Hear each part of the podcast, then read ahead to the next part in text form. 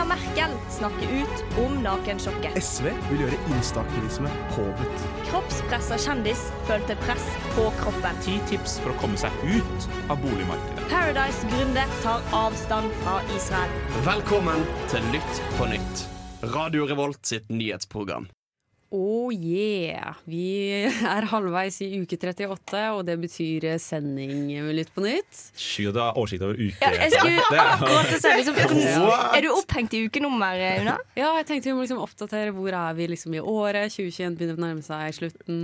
Og da synes jeg ikke snakk om det. Det er altfor tidlig å snakke om at året nærmer seg slutten. Og uke 38 sier meg så lite. Det kunne betydd juli for meg. 38 av 52. Ja, det bør, Det kunne det bør si det, ikke det bør si det betydd faktisk. Nei, men, ja, nei, jeg forstår ikke Velkommen til Dragevold-podkast med én smart gløsing.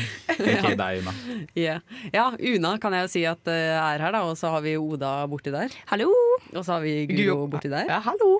Og så Håkon der. Ja, jeg er her også. I, i ditt eh, øre, lytter, så er vi jo alle i samme øre. Ja, Det, altså det borti der Så- så sier jo borti ikke der deg så- noen ting. Ja, Men det hadde vært eh, fett om vi fikk noe stereoeffekter og sånn, men det tror jeg bare Eh, kan da glemme. eh, kan vi fikse. Kan neste stikk, hvis du vil det. Da skal du på venstre øre i så fall. eh. Ja, det er greit. Det er greit. Det passer deg. Ok, Mindre radioprat, eh, mer eh, nyhetsprat. Vi skal jo prate om litt av hvert i dag. Vi skal selvfølgelig innom Ropstad-saken. Ja, Oh, Det blir juicy. spennende. Den utvikler seg gjerne, den. ja, ja. ja. Jeg gleder meg. Jeg gleder meg. ja. Vi skal også snakke om uh, Vi skal til valg. Det har vært valg i Russland òg, ikke bare i Norge. Det er valgsesong. Tenke seg til. Det er valg andre steder enn Jøss, her. nå må man ha hermetegn ved det valget. Er det noe Det, det Ja. Ja. Om det. Til å snakke mer om det. Eh, Jeg personlig skal jeg introdusere en eh, twist på kommentarfeltkonkurransen i dag. Oi, Så bare, spicy. bare vente og I tillegg skal vi ha en liten 'Hvorfor bør jeg bry meg?' om cash money, men eh, digital cash money. Bitcoin. Men skal vi snakke litt om Møllenberg. Ja. Det må vi jo. det kan ikke det- være. det er Vi er tross alt studenter, Ja. så da må vi ta for oss noen studentnyheter. Det er krigssone. Gud, sier jeg. Hva skal Vi skal også snakke litt om vaksinefordeling helt på tampen. Vi avbryter sendingen for å meddele at du hører på Lytt på nytt. Det stemmer, og vi skal snakke om eh, dramatikken som har vært nå rundt eh, Ropstad-saken. Det har jo vært utvikling siste uka. Ja, fordi han har jo da gått av som partileder og statsråd av denne skattesaken. Han har Eh, fått skattesmell. Ja, han har fått en eh, litt brå skattesmell, som noen eh, vil kalle skattesvindel. Um, men eh, nå er det sånn, vi vet jo ikke om han har gjort, han har gjort dette her med vilje eller ikke. Det er viktig å påpeke. Um, og så eh, Det er to ting som jeg synes er interessant med dette. Det ene er at nå oppdager de flere stortingspolitikere, bl.a. Venstres Sveinung Rotevatn og eh, eh, en til som jeg ikke husker navnet på i farten, som har vært i samme situasjon og betalt for lite skatt fordi at de har fått gratis bolig av Stortinget. Og når det da begynner å være flere folk, så kan en jo tenke seg til Er det noen i stortingsadministrasjonen som eh, ikke har fått med seg noe de burde ha fått med seg? For at så mange stortingspolitikere skal ha gjort dette her med vilje eller med en feil, det er litt rart. Dette her er sånn reiseregningene på nytt igjen. Ja, men Altså- reiseregningene var jo, var Der jo innrømte jo folk at de hadde ført i feil med vilje. Ja. Her sier jo folk sånn Shit, jeg visste ikke. Ja, Det er helt sykt å, ikke ha litt peiling. Konspirasjonsteoretikerne koser seg gløgg i hjernen. Ja, ja, og altså, Dette kommer jo til svik- svekker tilliten til stortingspolitikere, og det er kjempedumt. De kan ikke ha samme taktikk, taktikk som meg. Jeg beregner alltid at jeg betaler sånn ja, Jeg tjener sånn 50 000 mer enn det jeg gjør i året. Sånn at det ikke går på en Du smell. sparer over skatteseddelen, du. Ja, jeg gjør det. Men, Det eh, er ikke effektivt, men det, det det går. går an. Men den andre tingen som er interessant, er jo eh, hvem skal bli leder i partiet nå. Eh, fordi det er jo litt eh, Parti og parti. Ja, hvor, hvor lenge er det et parti? Ja. Da Den diskusjonen kommer til etterpå. Eh, men Hans Olav Syversen er tidligere stortingspolitiker og har vært eh, parlamentarisk leder i KrF. Og han er foreslått av Oslo KrF, og han er avtroppende statssekretær Oslo KrF, Den store, Ja. utrolig godt Eh, representerte det, det er organisasjonen noen som mener eh, at Oslo KrF bør få partilederen, og jeg skjønner ikke hvorfor, fordi alle velgerne er kristne folk på Vestlandet. La oss være ærlige. Ja. Det, det vet en jo. Ja, og. Sørlandet.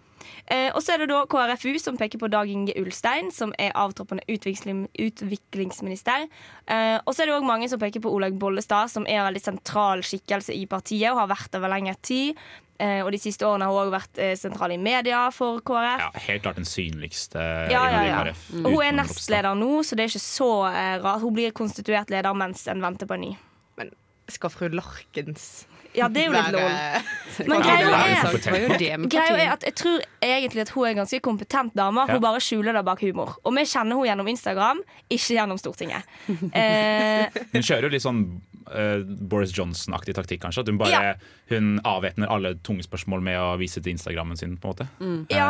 Eh, Men samtidig Yes. tror at hun kan Om ikke hun er, så tror jeg hun kan bli en dame som svarer på de tunge spørsmålene. For hun Ja. er jo åpenbart en kunnskapsrik dame.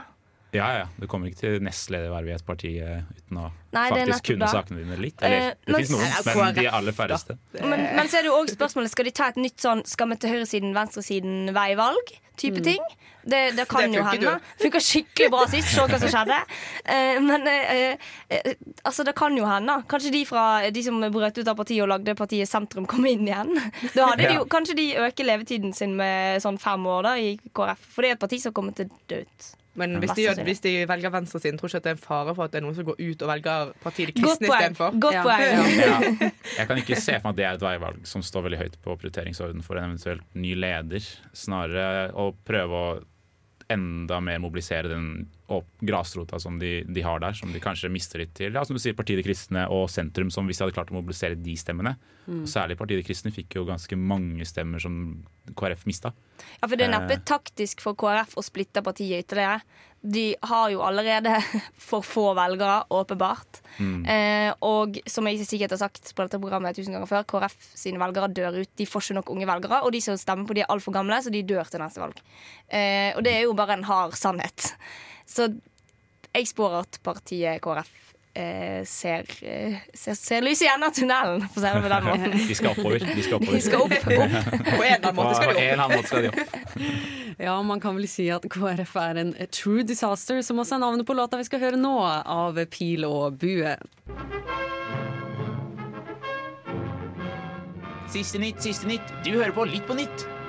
Å ja, og siste nytt er at det har vært valg i et annet land enn i Norge, nemlig Hæ? i Russland. Eller valg i hermetegn. Ja. Nei, det har, vært, eh, det har vært valg i Russland i helgen. Og Putin, Hvordan gikk det, da? Putin sitt parti vant med over 50 Wild! Eller de endelige tallene, egentlig altså, De er ferdig med å telle 99% av stemmene. Så de, det er ikke helt sikkert Men vi tror at de vant med ca. 50 da. Siste, siste prosenten går sikkert til venstre eller rødt, tenker jeg. Ja. Ja. Rødt kommer over sperregrensen i Russland. Akkurat i Russland, det er rett seg Ja, ja. Kommunistpartiet fikk rundt sånn 20% de òg. Så det, de Rødt gjør det bra i Russland om dagen. Kjempebra. Sitter her og sier at Rødt og Kommunistpartiet er det samme? Hæ? Hæ? Nei, men Hva skjer i Nei. Russland, da? Eh, nei, altså Det har jo vært valg, mm, og Putin har vunnet. Men Putins største kritikere har blitt eh, hindret i å, i å stille til valg. Ja, var ikke det for eksempel eh, en fyr som stilte, og så fikk han litt for høy oppslutning, og så tok de bare eh, fikk to fyrer som ligna på han, til å bytte navn Ja. og stille seg på stemmeseddelen. Så det var tre kliss like kandidater, så ingen visste hvem de skulle stemme på. Det er en kreativ taktikk. Ja, Altså, det skal de er- for. Det er, Ja, det er, så, det er det som imponerer mest med diktatorer og Ja. Ja, ja. idioter som leder land. Hvor utrolig gode de er på å klare å rise unna reglene. Ja, ja. Det, og eh, Alexei Navalny hadde laget en, eh, har en app sånn for å liksom Smart Election Choice-app, som eh, Russland fikk eh, liksom vekk fra både Google sin, Hæ, sine telefoner og Apple. Eh, Så med på Apple og Google var med på ja, de var med på, ja, på å pælme ut den appen der. Yes. Det er jo egentlig sjukdom, Mm. eller? Bare for at russere skal se på kattevideoer og Ja. Ja, det er nettopp det. Og drikke vodka. Ja, det er nettopp Ja, det. som det gjør. Jeg vet da faen, jeg har aldri vært i Russland. Og det er òg rapportert at det, det er liksom observert at mange har liksom stappet flere sedler ned i samme konvolutt. Eh, om- Det er en klassiker. Det syns Ja. jeg blir for åpenbart. Det blir for enkelt, ja. Ja, det er nettopp det. Eh, blant annet. Det er rapportert masse valgfusk, men eh, valgkommisjonen i Russland mener at det, det har ikke skjedd noe betydelig valgfusk som kommer til å påvirke Var det noen utenlandske observatører til stede, eller er det bare det er russere som passer på russere? eh, hva, Altså, OSSE eh, har Mm. vært og overvåket alle russiske valg, eh, parlamentsvalg siden 1993. Altså siden Russland ble Russland. Ja, Tror du ikke det er en Eh, lukrativ jobb at du får litt bestikkelse under bordet, liksom? Eh, jeg tror det har vært, det har vært rapportert mye bestikkelser, men i år fikk ikke OSSE ha så mye folk, eller liksom eh, utenlandske folk fikk ikke være der og observere valget. Det var vanligvis hadde pleid å være Og koronarestriksjoner. Ja. Det har vært, altså, det, Egentlig var det ønskelig at det skulle være rundt 500 valgobservatører i landet.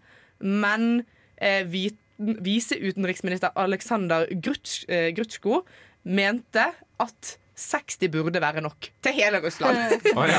Ikke sant? Til hele Russland er det. Holder, da. Småbyen Russland. Mm. Men hva kommer Putin til å gjøre noe mer med Har han fått noe større mandat nå til å gjøre noe, noe mer for jævlige ting? Eh, nei, greien er at eh, faktisk så har partiet til Putin gått litt ned i valgoppslutning, men de har fortsatt flertall på parlamentet, for dette var et parlamentvalg og ikke et presidentvalg. Ja. Så det, det var liksom Ja, det var valg om de 450 plassene i det, russis, det russiske parlamentet. For mange. Tenk så mange. Ja. Ja, altså hvis ganske tenker- mange i Russland. ja, jeg, altså, jeg tror liksom i forhold til Storland. Norge, som har Er det 169? Ja. Ja, så er 450 ganske lite. ja, Yes. Trenger bare én mann, jo. det er det de gjør. Og han Og det er det de skal fortsette med. det skal fortsette med. Og han har fortsatt et stort parti i ryggen. Ja. Ja, så, så det er ikke mye som skal endre seg i Russland, og eh, ting har ikke endret seg i Russland. Det er egentlig det er er, det er, det er konklusjonen Ja. med dette valget. her Bu.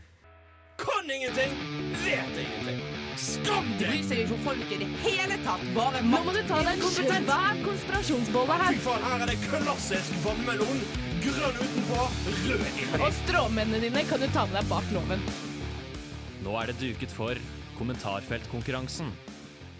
Det stemmer, og i dag er det Håkon som skal eh, ha en liten spesiell vri. Hjertelig velkommen, mine damer og radiolyttere, til kommentarfeltkonkurransen Gameshow Edition. Mitt navn er Håkon Lillehagen. Jeg er 1,90 høy og sånn passe kul. Eh, I dag skal vi ha en kommentarfeltkonkurranse. Vanligvis er kommentarfeltkonkurransen en konkurranse som går ut på at dere skal gjette hvilke sak disse kommentarene jeg nå leser opp herfra. I dag har vi en vri. Derav gameshowet-styret i starten. Eh, dere skal nemlig gjette om kommentaren er fra Aftenposten sin Facebook-side eller Resett sin Facebook-side. Det er gøy! Og gjerne sleng dere på gjett sak også, for det er en, eh, Ja. god- det er en god sak. altså. Det er absolutt det. Så nydelig. Eh, første er eh, Da mangler kun Canada og New Zealand. Z-I-L-A-N-D. Smilefjes. Kjempe. Mellomrom. Greier.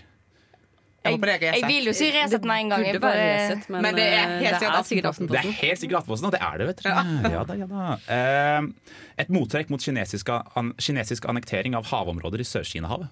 Veldig- Det er helt sikkert Resett, fordi Fordi det høres ut som har Aftenposten. Å, der kjørte jeg motsatt taktikk, for det er Aftenposten. Det, Ja, det er det er ja, ja, ja. Det finnes smarte folk i Aftenposten kommentarfelt også. Er det nærmere noe sak her? Er det noen tanker om det? Eh, nei, nå glemte jeg for jeg tenkte sånn? Men vi skal til Kina. Sør-Kina-havet. Eh, ja, eh, ja, vi skal vel ish. I hvert fall litt sør for Sør-Kina. Ok. Eh, vi kan ta en ny kommentar. Um, Australia er ikke turistvennlig land, slik grensekontrollen behandler folk med jern. Hand. Det samme er New Zealand, hvor jern skrives med æ. Som er veldig ny- ny- Resett. nynazist. Ja, det er. Resett. Klink inn. Det er veldig nynazistisk måte å skrive jern på med æ. Så det, det passer seg. Der Så vi skal til Oceania Oseania. Ja, ja, ja. Vi skal til eh, det vakre, vakre Australia. Ja. Eh, det skal vi. Er det koronarestriksjoner eller et eller annet? Er Nytt koronautbrudd. Dårlig med Ja, ja det er det jo. Men uh, dårlig med det i sakfronten okay. akkurat nå. Okay. Eh, bla, bla, bla. Våknet kommunisten i deg nå? Resett. Ja. Resett. Aftenposten. Aftenposten. Oi, unna. Unna har rett. Aftenposten, vet dere.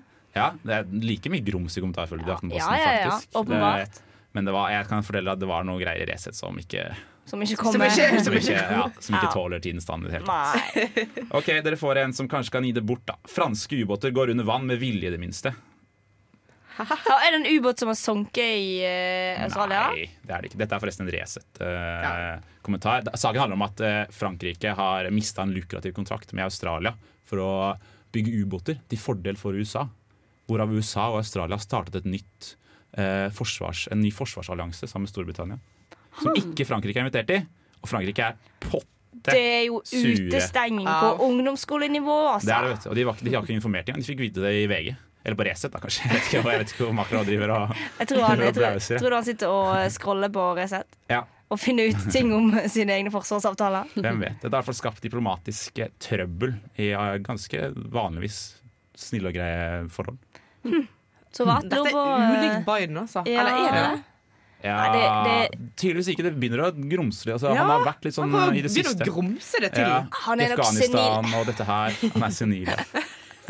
Og med de kloke ordene konkluderer vi eh, Håkons kommentarfelt gameshow Resett versus Aftenpost Edition. Tusen takk for meg. Eh, ikke gå inn på Resett kommentarfelt. Det er ikke verdt det. Tro meg. Bare ikke gjør det. Ja da, ja.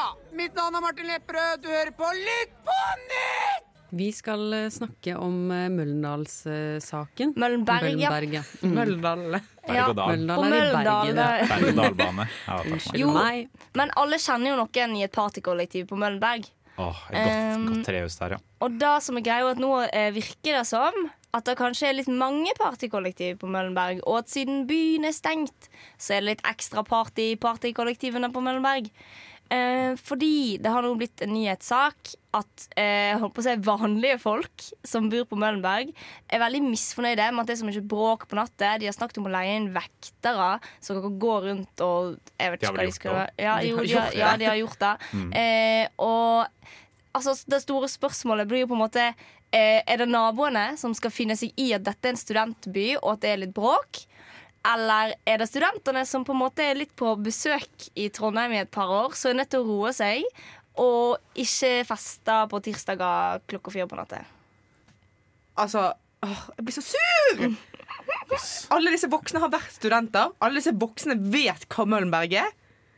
Og, alle, og de, Men, de, de, disse tilstandene var vanlige for to år siden. Nå har folk blitt bortskjemte bare fordi vi har hatt nedstenging i to år. Da skal studentene få ha det gøy når det endelig er lov til å ha det litt gøy igjen. Men Guro, det fins trehus på Møllenberg som har gått i generasjon siden uh, før liksom, NTNU. De er tvunget til å bo der eh, fordi altså- familien har bodd der. Ja, eller Det er liksom, de har så tilhørighet til det stedet at de ønsker jo ikke å bo et annet sted. Og den party-studenthyblifiseringen som vi ser av Møllenberg, er jo noe som har skjedd i hva da, de siste 20 åra, kanskje. Mm. Eh, som vil si at det fins folk som bodde, flytta dit med barn og hatt barn som har vokst opp der gjennom hele, hele 2000-tallet, som nå begynner å merke at dette her er for trøkk for meg. Eh, men dette er jo mitt hjemsted. Hva gjør jeg, liksom? Mm. Det er jo Altså, de har det jo kjipt. Ny isolasjon av veggene koster kanskje like mye som vekteren. nå. Ja, for det er jo der man har det egentlige problemet. Det er jo det at utleiefirmaer de kjøper opp hele Møllenberg og selger det ut, eller leier det ut til studenter. Ja, for- Dermed blir det et studentområde, og da blir det mye festing. Ja. Og det hadde man klart å balansere om- det bedre, så hadde det jo blitt mye Ja. bedre å leve side Det om side. handler jo om at en har jo egentlig hatt for få studentboliger, og da er det lettere å få studenter til å bo i ei gammel rønne på Møllenberg enn å gamble på at altså, folk, folk, vanlige folk igjen vil jo ikke kjøpe bolig på Møllenberg fordi at det er bare det, det, det er jo ikke Ja, så veldig god kvalitet Mm. på bygningene der. Og når det i tillegg er kjent for å være et festområde, så er det jo ikke et attraktivt, en attraktiv plass å bo. Så studentboliger kunne jo potensielt ha løst det litt. Men det er jo det er lett svar- Altså, det kommer jo aldri til å skje. Nei, nei. Det har Men, vi jo men sett. hva, hva vil de gjøre med studentene, da? Hva, jeg forstår ikke De vil jo spre dem litt, da. Det er vel eh, et ønske. Eh, men hvor det skal Ja, det er jo da, veldig vanskelig å gjøre. Eh, På lang sikt, og det handler om byplanlegging. Men sånn på kort sikt så vil det jo at studentene skal feste litt mindre. åpenbare løsningen å åpne i en Heidis og downtown, liksom. Det er jo det. Det er jo faktisk Det er jo ingen som vil sitte i et kollektiv på Møllenberg til klokka fire på natta hvis ikke de må. Mm. Hvis downtown er åpen, så drar de jo dit. Eh, og det blir sikkert litt bedre. Det må jo det.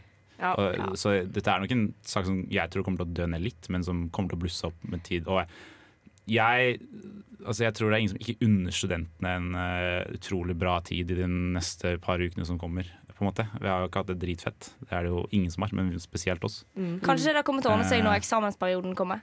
Ja, men det gjør det alltid. Det ro ja, men har du merket det? De sakene roer seg ekstremt når eksamensperioden begynner å komme. Selv på Møllenberg. Hvor det, Hvor eksamensperioden ikke eksisterer. nei, det er sant. Ja. ja, nei, Da er det bare å glede seg til eksamensperioden, da. Ja, Vi ses på vors på fredag. Jeg skal være på Nedre Møllenberg gate. Bitcoin. Jeg kjenner at jeg orker ikke dette her, ass. Det blir for mye å forholde seg til. Romfart. Viktig for samfunnsdebatten. Skatteparadis. Opplyste velgere. Hvorfor skal jeg bry meg? Ja, hvorfor skal du bry deg? Spalten hvor eh, vi eh, i Litt Mynt forklarer deg om en for jævlig kjedelig ting som du egentlig bør bry deg litt om, og prøver å gjøre den litt interessant. Skal se om jeg får det til i dag. Det kan bli spennende. For i dag, damer og radiolytter der ute, skal vi prate om bitcoin. Ja, jeg tenker med en gang han eh, fyren på festet sånn Å, har du investert i Ja, ja, ja, ja, bitcoin, ja. eller? De to som sitter i hjørnet og sjekker Ethereum-aksjene Ja. sine og, og, og jobber seg opp. Eh, og det har jo tatt helt av. Tjener dritmye penger, folk har det helt fått. Det er én person eller ting som ikke har det like bra. Kan dere gjette hva det er? Miljøet? Ding, ding, ding, ding, ding, ding, ding, Det er miljøet, vet du. For hva tror du all den bitcoinen egentlig faktisk trenger? Strøm. Den trenger helt psyko mye strøm. Faktisk er det sånn at bitcoin i dag i, uh, bruker mer strøm enn det hele Norges rike gjør. Altså hele Norge, da. Norge. Shit, det, Kongeriket Norge. Ja. det, er, det, det var mer enn jeg Såkalt trodde. mining av bitcoin, da, som er å eh, bistå med transaksjoner i bitcoin for å få en liten belønning i form av en bitcoin, som Mm. er mining. Eh, tror jeg. Una? Ja, ja bra. Å, takk Gud. Fy fader, det hadde vært stress. Eh, det tar like mye strøm som Norge. Hele Norge. Det er jo Det er helt absurd Det er helt sjukt. mye Ja. Eh, og, da, og du kan se veldig sånn på verden sin um, strømforbruk, om bitcoin er verdt veldig mye eller verdt veldig lite. Eh, jo mer den er verdt, jo mer lønner det seg å mine, og jo mer mining gjør man. Men det er jo sykt at vi bruker så mye strøm på Det er jo en ting som ikke eksisterer engang. Man har funnet det opp, liksom. Ja, det er sant. Jeg syns det er, det er fascinerende. Altså, det er, for det er sånn Ja, ja, det er en slags Jo, jo, men altså Det er en Ja, slags verdiskaping, men jeg syns bare det er fascinerende. Ja, det er, det er helt sjukt. Og uh, det brukes jo så mye, og det er veldig Da Tesla for eksempel da, fikk uh, 1,5 milliarder dollar i skattesubsidier fra amerikanske staten. Gjett hvor mye de investerte i bitcoin. da Akkurat samtale. Ja, nøyaktig samtale. Mm. 1,5 milliarder. Og da kan du tenke deg et sånn grønt selskap som Tesla, som bidrar da til Fordi bitcoin er langt fra grønt, så bidrar de til å liksom eh, øke verdien veldig mye mer. Og nuller i ut alle Teslaene som er kjøpt noensinne. Fordi det, jo høyere verdi bitcoin er, jo mer strøm forbrukes på verden. Og ja, ikke sant? Dere skjønner, dere skjønner tankegangen. Kan vi finne noe mer miljøvennlig og kult å putte all verdien i? Ja, Altså sånn at- at- Eventuelt, som mange foreslår, da, er jo bare å eh, flytte seg over til grønn energi der òg.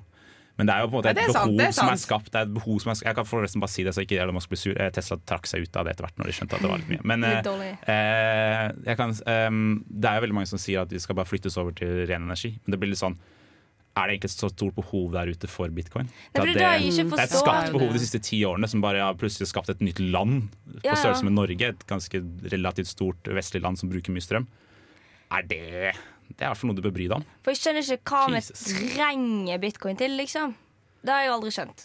Det er Nei. sikkert en eller annen smarting der ute som kan sånn Jo, det er kjempelurt. fordi Det er jo- Men jeg bare skjønner ikke Vi har jo penger. Hvorfor skal vi da lage jo- digital valuta, liksom? Det er for å desentralisere Ja. det bankesystemet vi har i verden. Da. Eh, og tanken er jo for så vidt god, at det skal ikke sitte en eh, mann i dress i USA og bestemme over hvor mye du har på sparekontoen din. Nei, men samtidig, det er jo et marked. da, Altså, det går an å påvirke markedet så lenge du har nok kapital. Så det er liksom Har du nok kapital, eller? eh, Nei. Nei, ikke jeg heller. Men Eh, noen har det. Etter Det er en sant. seineffekt av finanskrisen, liksom. Behovet, behovet oppsto rundt rett etter finanskrisen for å liksom Ja, er- desentralisere er- bankene. Guro, det har du rett i. Det du sier der, er riktig. Ja, sant? Guro har rett. Men Jeg eh, har ett økonomifag, hvis noen lurte. liksom poenget mitt, da. Hvorfor du skal bry deg om det her, eh, hvorfor du kanskje skal unngå å investere i bitcoin, det er rett og slett så utrolig lite grønt å gjøre det. Bare dropp det. Ta Investere i de 50-lappene. De er veldig grønne. Grønt fond. Grønt Det var dårlig. Litt selvkritisk. Det. Eh, vi skal høre på låta 'Birthday' av Ary her på Litt på nytt. Flere og flere blir fullvaksinert i Norge, og vi begynner endelig å se lyset i enden av tunnelen når det kommer til koronapandemien i dette landet. Sånn er det derimot ikke overalt.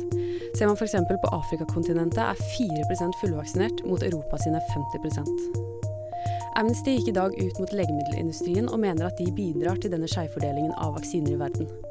Fram til i dag har under 1% av verdens vaksinedoser havnet i lavinntektsland.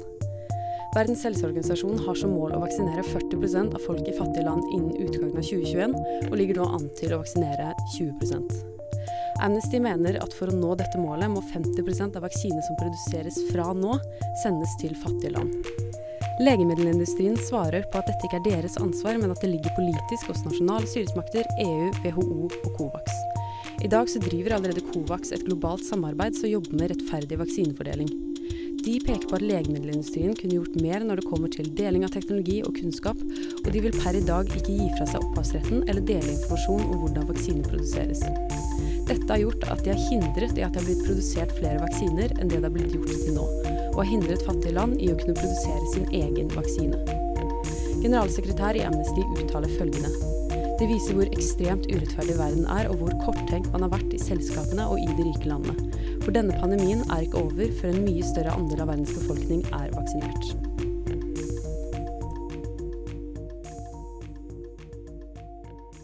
Ja, så her er jo på en måte spørsmålet litt hvem er det som har ansvar for at det blir en rettferdig vaksinefordeling i verden? Er det legemiddelindustrien? Er det Verdens helseorganisasjon? Er det hver enkelt eh, land som burde ta større ansvar for å fordele ut?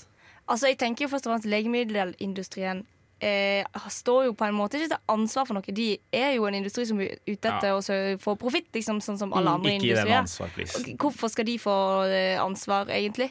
Nei, for det eh, Amnesty har som argument for at de burde ta mer ansvar, er fordi at de eh, må, som alle andre virksomheter, eh, ta ansvar for å respektere menneskerettigheter. Og at Ja. ved at fattige land ikke får eh, samme rettigheter til vaksiner, gjør at det blir brudd på menneskerettighetene. Men er ikke det kjent at legemiddelindustrien er ganske grusom?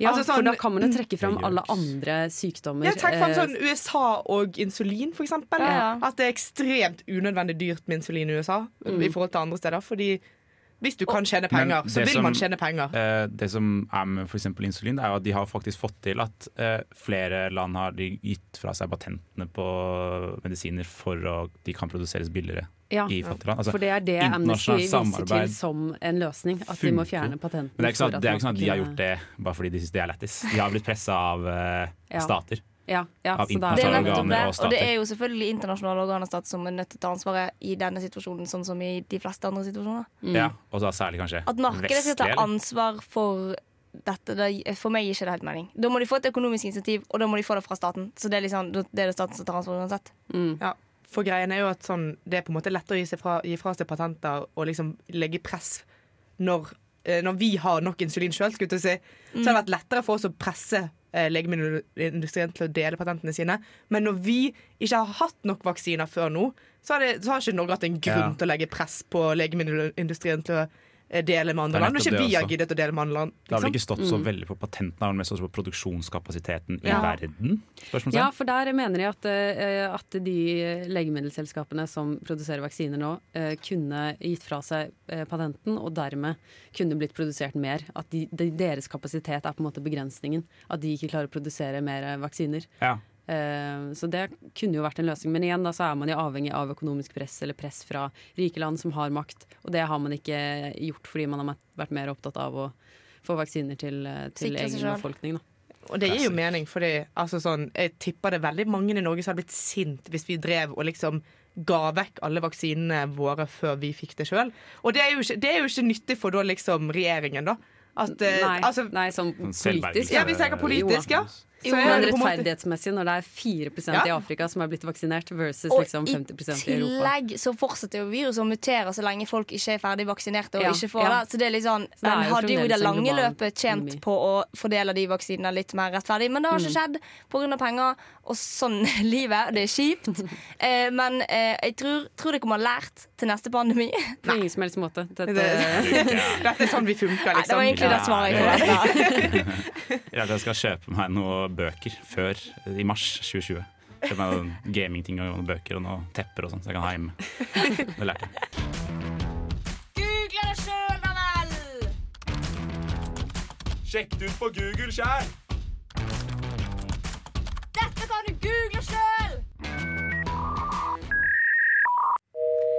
Ja da, vi har jo snakket om litt av hvert av saker i dag, men det er jo alltid flere å ta av, så nå skal du få litt tips ut i uka om hva du kan google.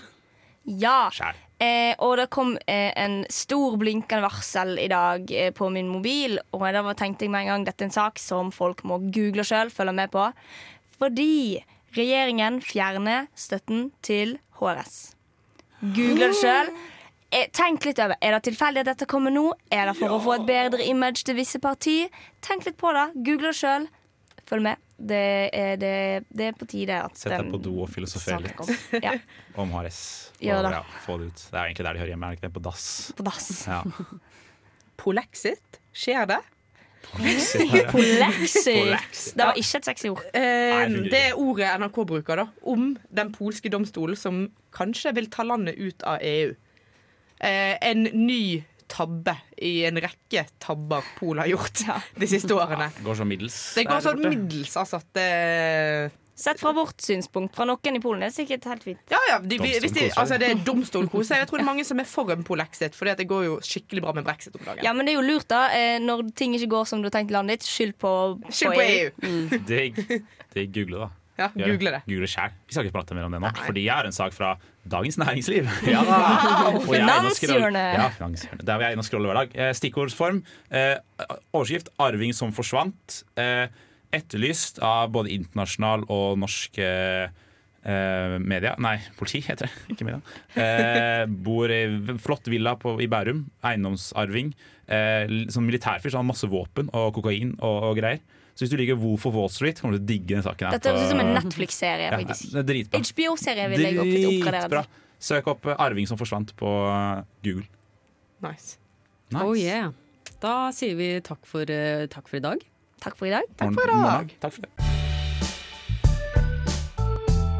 Du har lyttet til en podkast på Radio Revolt, studentradioen i Trondheim. Sjekk ut flere programmer på radiorevolt.no.